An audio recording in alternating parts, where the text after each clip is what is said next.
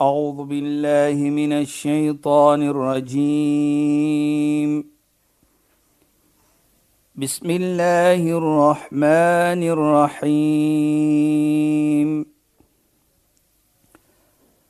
اليوم أكملت لكم دينكم وأتممت عليكم نعمتي. واتممت عليكم نعمتي ورضيت لكم الاسلام دينا صدق الله العظيم Assalamu alaykum wa rahmatullahi wa barakatuh. Goeienaand, baie welkom by die program Islam in Fokus. أكشهد قالي أنا قصص من شيخ ظافر نجار. السلام عليكم شيخ. وعليكم السلام ورحمة الله وبركاته. Sheikh, verlede week was regtig 'n pragtige program en ek weet ons het afgeëindig waar ons vir Sheikh so in die middel weer eens van 'n verhaal gestop het en ons wil graag hê dat Sheikh verder daaroor moet gesels, maar wat vir my uitgestaan het oor die storie van Thamama is dat wanneer 'n mens genade toon aan iemand anders, mm. dat jy eintlik sy besluite kan beïnvloed en, en dit is hoe 'n mens dan ander mense se karakter en ook besluite kan affekteer in 'n pragtige manier. Jy weet jy gaan aan die volgende storie gedeelte dat daarvan was en sy gaan nog verder daaroor gesels wat vir my uitgestaan het was die feit dat soos in die storie verstaan ons dat Allah weet wat in ons harte aangaan al wil ons dit hoe groot en hoe ver en diep wegsteek, maar Allah weet eintlik wat precies, in ons harte aangaan. So Sheikh asseblief. Ja, bismillahirrahmanirrahim. Alhamdulillah wassalatu wassalamu ala rasulih sallallahu alayhi wa sallam wa ala alihi wa sahbihi ajma'in wa ba'd. Assalamu alaykum wa rahmatullahi wa barakatuh en goeienaand aan ons geëerde en geliefde luisteraars.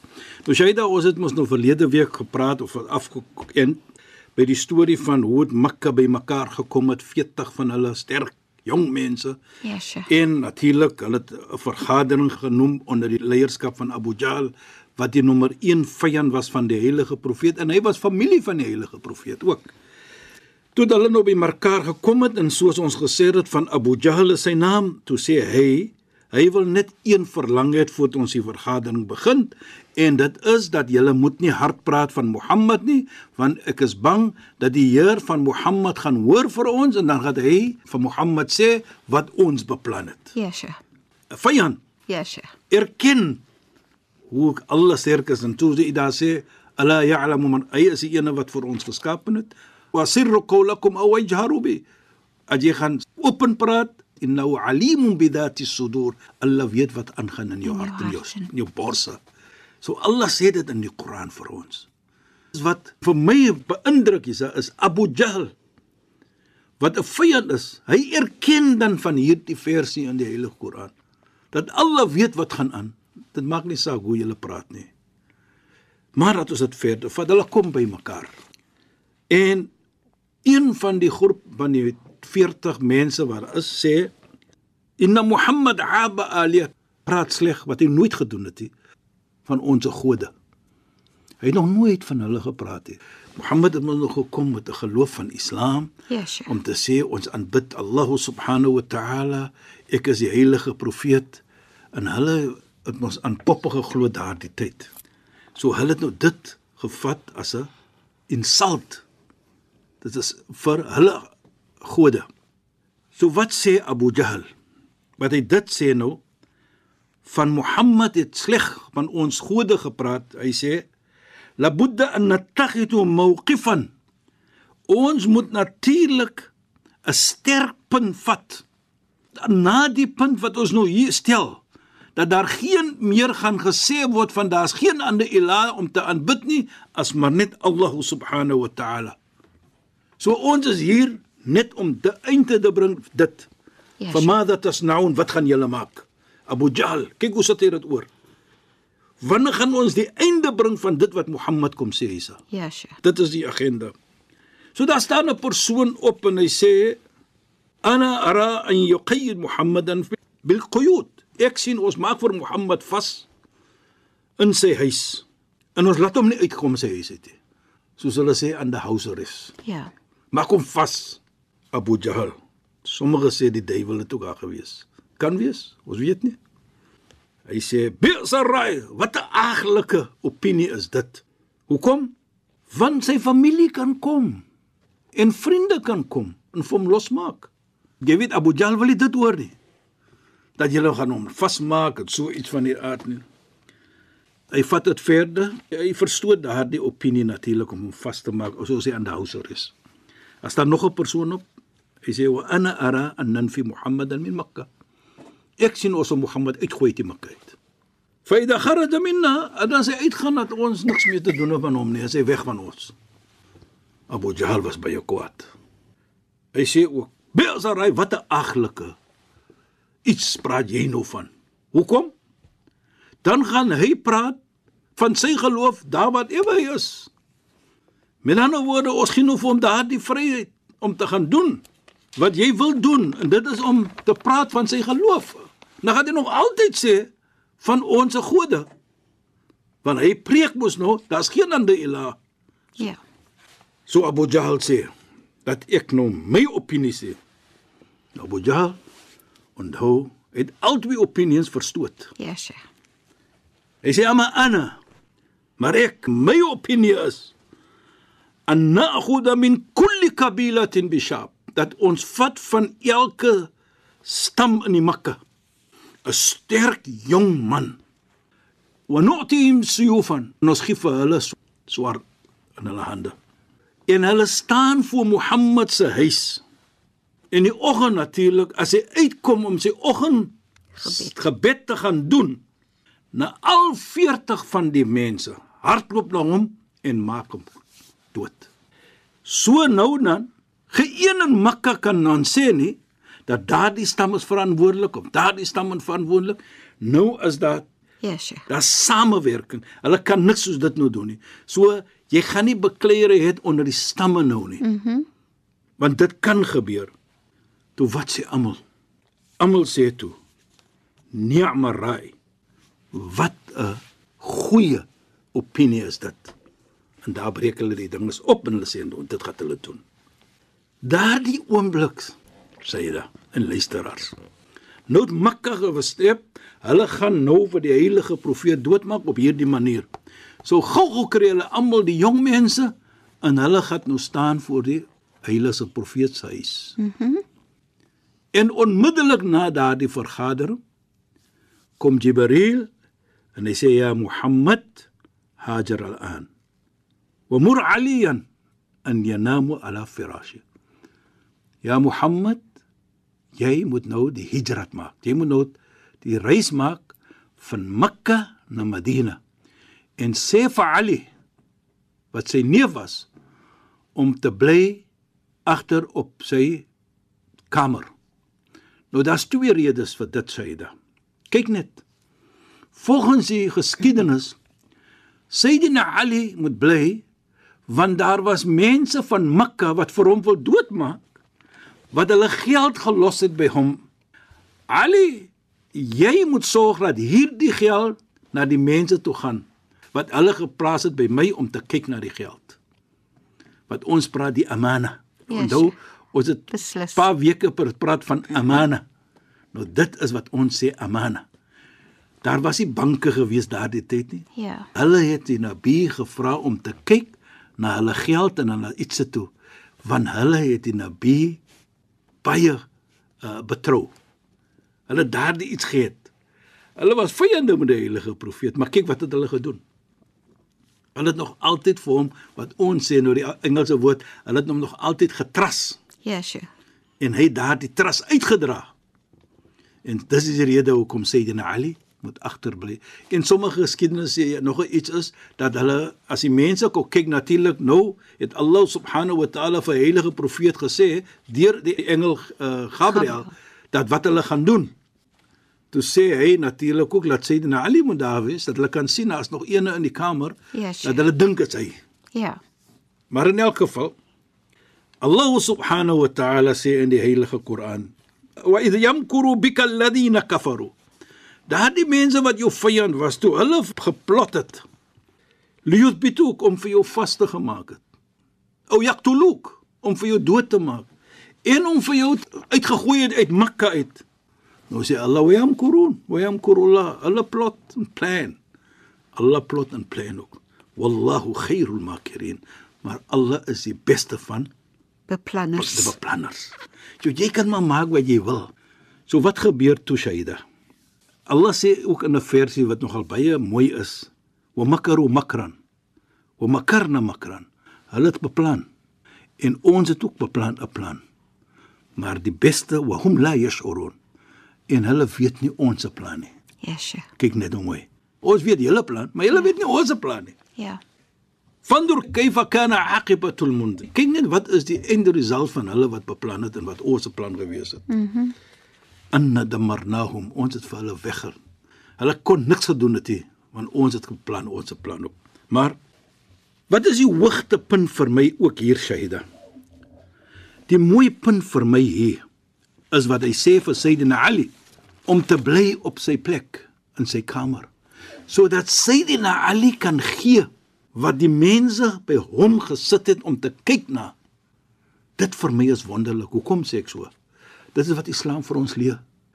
Dit maak nie saak wat mens doen aan jou nie. Two wrongs doesn't make a right. Ja, Sheikh. So jy kan nou nie sê dis my vyande nie en nou moet ek hulle geld of hulle besittings opvat. Waar Islam vir ons leer, jou lewe is heilig.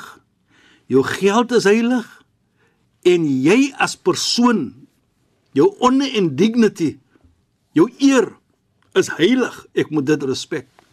En dit is wat die Nabi sallallahu alayhi wa sayyidina Ali sê. Hierdie geld behoort nie aan my nie. Dit maak nie saak wat hulle wil doen aan my nie.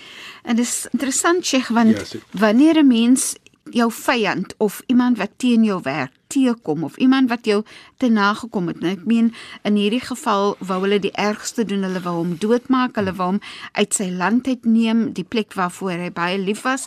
En tog gee hy vir hulle regverdigheid Ja. deur sy genade. Presies, Aida. Dit dit is mos 'n mooi iets man. Dit is regtig pragtig. Dit maak nie saak wat mens doen aan jou nie. En hy leer ook vir Sayyidina Ali dat dit is wat 'n mens doen. Presies, dit is wat Islam vir ons leer. Dit bedoel nie as mens vir jou nou so seer maak en dit maak en dit maak dat jy moet nou onregverdig wees nie. Want onthou jy is verantwoordelik as jy onregverdig is. So daar is nie iets wat ons sê 'n soort van revenge nie. Ons moet mooi lewe met mekaar. Tot ons vyande moet ons probeer om mooi te lewe. Praat mooi. Laat hy maar jou vyand wees of sy. Maar dit bedoel nie jy moet 'n onregverdige persoon wees nie. Ja, Dit is beslis. wat hy vir ons leer. Dit wat Islam Ja. vir ons sê. Ja. Maar in elk geval die aand breek toe aan natuurlik wat hy vir Sayyidina Ali sê bly in my kamer en daardie 40 mense staan nou om sy huis. En daardie oomblik Abu Jahl loop om die 40 mense en hy sê vir hulle la yafutannakum Muhammadun al-layla Muhammad gaan nie weg van julle skip vanaand nie.